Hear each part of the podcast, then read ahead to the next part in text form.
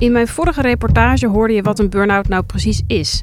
En in wat voor situaties elke daardoor soms terecht kwam. Nu ben ik vooral benieuwd naar de vraag: wie betaalt er voor de zorgkosten van een burn-out als je in dienst bent?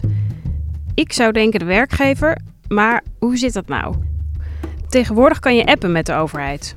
Dus dat deed ik maar op de redactie. Hoi Rijksoverheid. Uh, wat ik wil weten. Is de werkgever verantwoordelijk voor de kosten van de zorg als die nodig is voor het behandelen van een, van een beroepsziekte? Cent. Ik kreeg binnen vijf minuten alweer een appje terug. Het antwoord is: dat is niet wettelijk geregeld. Je kunt het beste je CEO hierop raadplegen. Oké, de werkgever hoeft dus niet te betalen, maar misschien doen ze het wel. Ik ga eens bellen met huisartsen en bedrijfsartsen. Het nummer dat u heeft gebeld is niet meer in gebruik. U wordt zo spoedig mogelijk geholpen.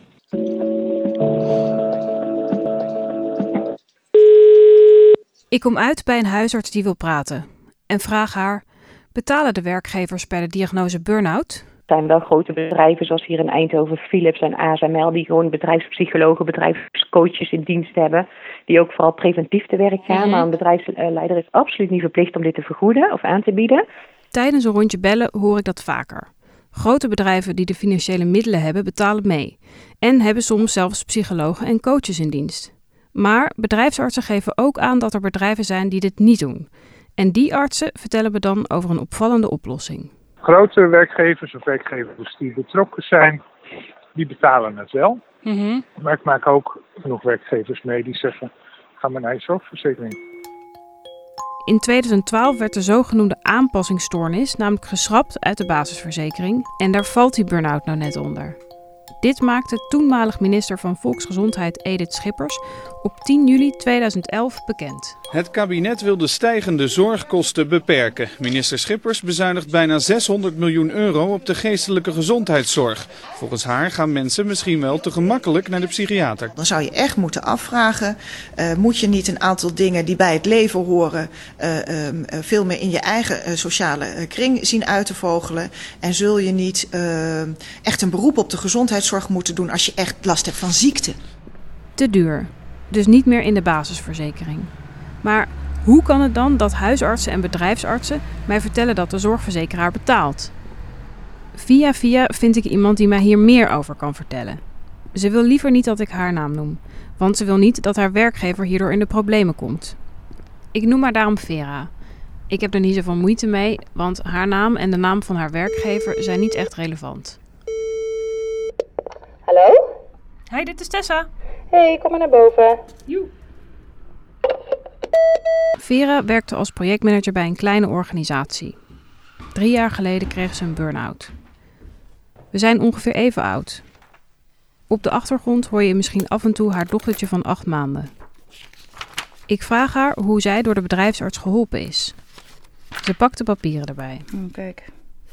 Het begon dus met een uh, eerste spreekuur.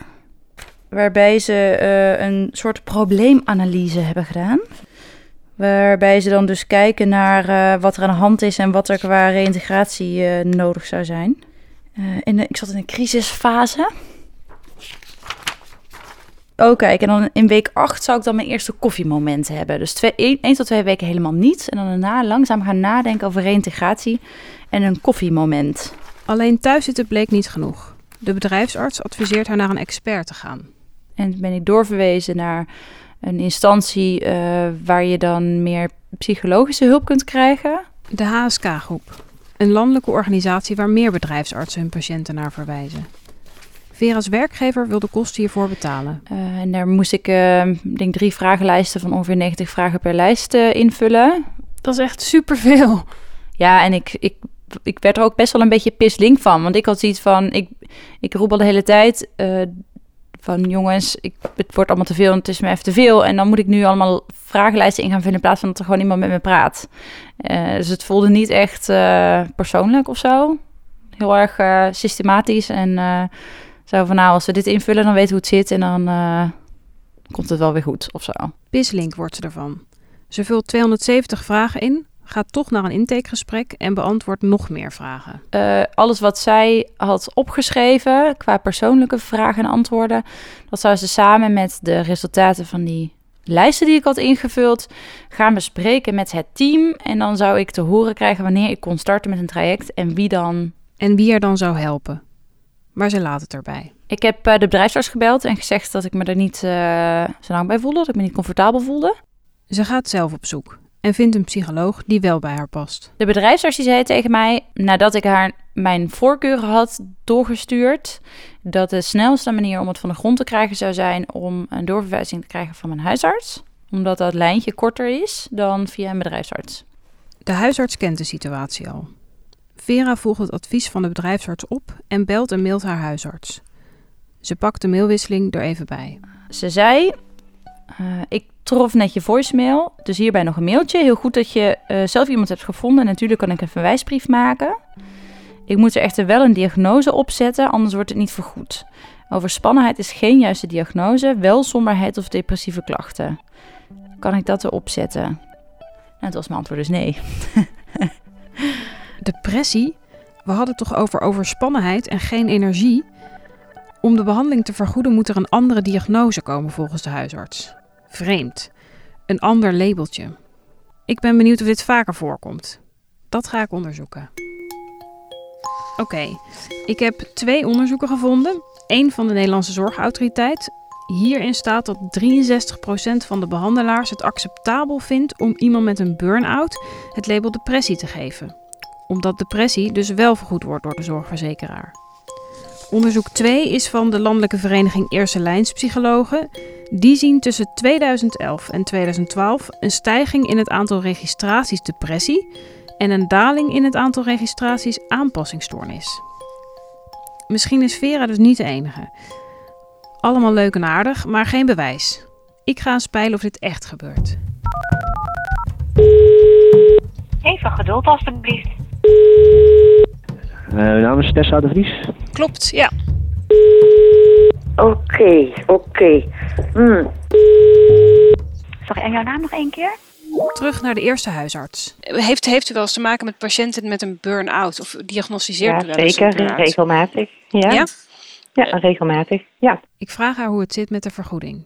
Uh, wat vaak wel zo is, is dat mensen die een burn-out hebben bijvoorbeeld ook last hebben van spanningsklachten. Mm -hmm. Dus wat we dan doen is een foefje, dan maken we er spanningsklachten van en dan wordt het vaak alsnog wel vergoed. Oké, okay, een foefje. De eerste geeft toe dat dit echt gebeurt. Op naar een volgende huisarts die liever zonder naam en toenaam wordt genoemd. Hij wil niet in de problemen komen met de zorgverzekeraars. Nou ja, in de praktijk is het gewoon heel simpel. Uh, zowel ik als de, bijna alle huizen, denk ik. Mm -hmm. Uh, die, die zullen die diagnose dan aanpassen, hè, zodat het tenminste wel vergoed wordt. Ja, ja, het is toch de praktijk. Want je kan moeilijk uh, tegen patiënt zeggen van ja, sorry, uh, ik mag alleen burn-out schrijven en dan weet ik al van tevoren waar het niet vergoed wordt. Dat, ja, dat, dat is niet meer bijgebaat. Nee. Dus uiteindelijk in de praktijk schrijven we een andere diagnose op. Dat is twee. We gaan naar bedrijfsarts Hak. Je hoorde hem eerder al even. Wat zegt hij? Kijk, je ziet dat de, de zorgverzekeraar die vergoeden burn-outs niet meer. En dan wordt er het labeltje depressie aangehangen. Wat vindt u daar eigenlijk van? Het is uh, fraude is fraude. Aan de andere kant wel begrijpelijk. Waarom is het begrijpelijk? Nou ja, weet je, bedoel, de zorgverzekeraar die hebben op een gegeven moment dit soort dingen geschrapt. Die hebben ook psychische hulp bij huwelijksproblemen geschrapt en nogal nog een aantal dingen. Dat helpt niet. Ik stap naar Marjolein Bastiaanse. Zij heeft meegeschreven aan de richtlijn over spanning en burn-out. Ik ben heel benieuwd wat zij ervan vindt. In de praktijk worden deze behandelingen allemaal wel vergoed door de uh, zorgverzekeraar. Dus dat komt omdat je dan burn-out moet vertalen naar wat het meest past bij die persoon wat hij heeft. En dan, dan heb je een keuze uit bijvoorbeeld een stemmingstoornis of een somatoforme stoornis, zo heet die. Dus zelfs Marlijn Bastiaanse weet dat het gebeurt. Dan zeg je wel in je verwijzing dat het gaat om burn-out, maar je geeft aan dat het de klachten dus ook heel erg bij die uh, stoornis passen. Maar de behandeling die dan vervolgens plaatsvindt, is wel heel erg gericht op burn-out. Ja. Een andere diagnose voor de zorgverzekeraar, zodat het toch vergoed wordt.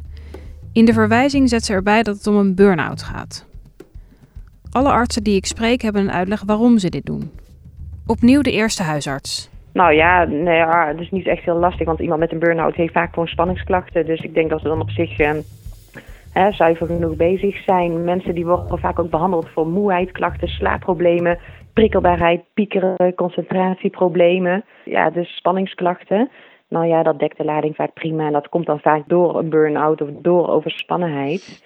Maar ik denk op zich dat we hè, daar weinig kwaad mee doen. Sommige symptomen van een burn-out en andere stoornissen lijken heel erg op elkaar. De huisartsen die ik spreek vinden het niet onverantwoord om een beetje te sjoemelen met die diagnoses. Want zieke patiënten die gespecialiseerde zorg nodig hebben, kan je toch niet zomaar naar huis sturen? Ja, snap ik. Ik probeer dat zo min mogelijk te doen, want we hebben toch waar we het over hebben. We hebben het over een groep met een burn-out. Die heeft niet per se een depressie. Dat is toch echt een burn-out. En moet dus ook qua behandeling moet daar echt gericht worden op een burn-out en niet zozeer op een depressie. Maar ik begrijp dat wel. Ja. Nu moet ik daarbij zeggen dat ik in Den Haag in een vrij hoog opgeleide wijk zit. Ja. Waar ook financieel ze niet heel eh, onbedeeld zijn. Ja. Dus ik denk dat ik minder tegenaan loop dan eh, mijn collega in de Schilderswijk.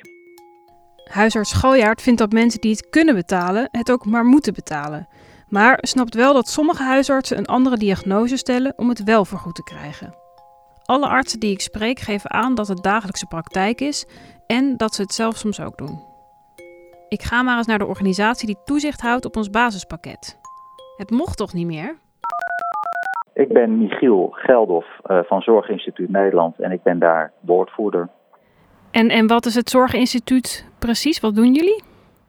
Nou, het Zorginstituut heeft een heleboel taken, maar in dit kader is belangrijk dat wij adviseren over de samenstelling van het basispakket. Ik vraag hem naar het uitsluiten van de aanpassingsstoornis uit ons basispakket. We hebben ooit een minister gehad die de rollator eruit haalde. We hebben een minister gehad. De rollator? Hoor ik dat goed? Uh, precies, uh, cosmetische chirurgie uit het pakket haalde. En dit is eigenlijk het derde voorbeeld dat ik ken, inderdaad, die aanpassingsstoornissen. Ik leg hem mijn bevindingen maar eens voor. Ik, ik kan me goed voorstellen dat daar inderdaad voor gekozen is om die burn-out niet altijd binnen dat domein te behandelen. Maar verder, ja, dat er ook wel eens iets uh, anders gelabeld wordt, dat is niet onbekend. En het is vaak niet eens met de verkeerde intenties, maar mensen met een burn-out zullen met regelmatigheid ook depressieklachten hebben en uh, ook daarvoor geholpen moeten worden. En dan zit je alsnog inderdaad bij de psycholoog die uit dat zorgverzekeringswetdomein betaald wordt. Hij draait er een beetje omheen, maar volgens mij is hij ook bekend met creatief labelen. Dus jullie liggen er niet heel erg bakken van als ik het zo goed begrijp. Nou, de mensen slapen over het algemeen heel erg goed, weet ik. Oké. Okay. Um, maar dat neemt niet weg dat we ons wel heel intensief ook bemoeien met de geestelijke uh, gezondheidszorg. Ook het Nederlands Huisartsengenootschap vraag ik om een reactie. Zij schrijven de richtlijnen voor huisartsen voor hoe je diagnose stelt. Sinds een paar jaar blijkt uit de cijfers dat het aantal verwijzingen voor angststoornissen, depressie en dergelijke is toegenomen, terwijl het aantal verwijzingen voor aanpassingsstoornissen, zoals burn-out, is gedaald. Het vermoeden bestaat dat dit van doen heeft met de vergoedingensystematiek, waarin sinds enkele jaren aanpassingsstoornissen niet meer mogen worden verwezen. De huisarts ervaart noodzaak tot verwijzing op basis van de ernst van klachten, niet op basis van een diagnose. Welk standpunt nemen ze hierbij in? Wij gaan ervan uit dat huisartsen behandelen en verwijzen in lijn met de ernst van de problematiek en dysfunctioneren van een patiënt, ongeacht de exacte diagnose. Dat is ook het uitgangspunt van onze NAG-standaarden. Dus ook het Nederlands Huisartsengenootschap vermoedt dat het anders labelen van een burn-out met vergoedingen te maken heeft. Terug naar Vera. Je weet wel. Zij kon kiezen om de diagnose depressie opgeplakt te krijgen. Daar had ze geen zin in. Mijn voornaamste reden was dat ik niet wilde dat de specialist de verkeerde indruk zou krijgen. Dat ik als iets van ja, als ik terechtkom bij een specialist en die leest dan op die doorverwijzing dat ik depressief ben of somber en vervolgens zeg ik dat het niet zo is. Dat is een beetje maf. Um, en ik wil dat ook gewoon niet uh, in een dossier hebben staan. Ik dacht, ja, ik ben gewoon niet depressief, dus waarom zou ik dat in mijn dossier willen hebben? Wie weet wat dat in de toekomst nog voor gevolgen kan hebben. Maar dat heeft wel zijn consequenties.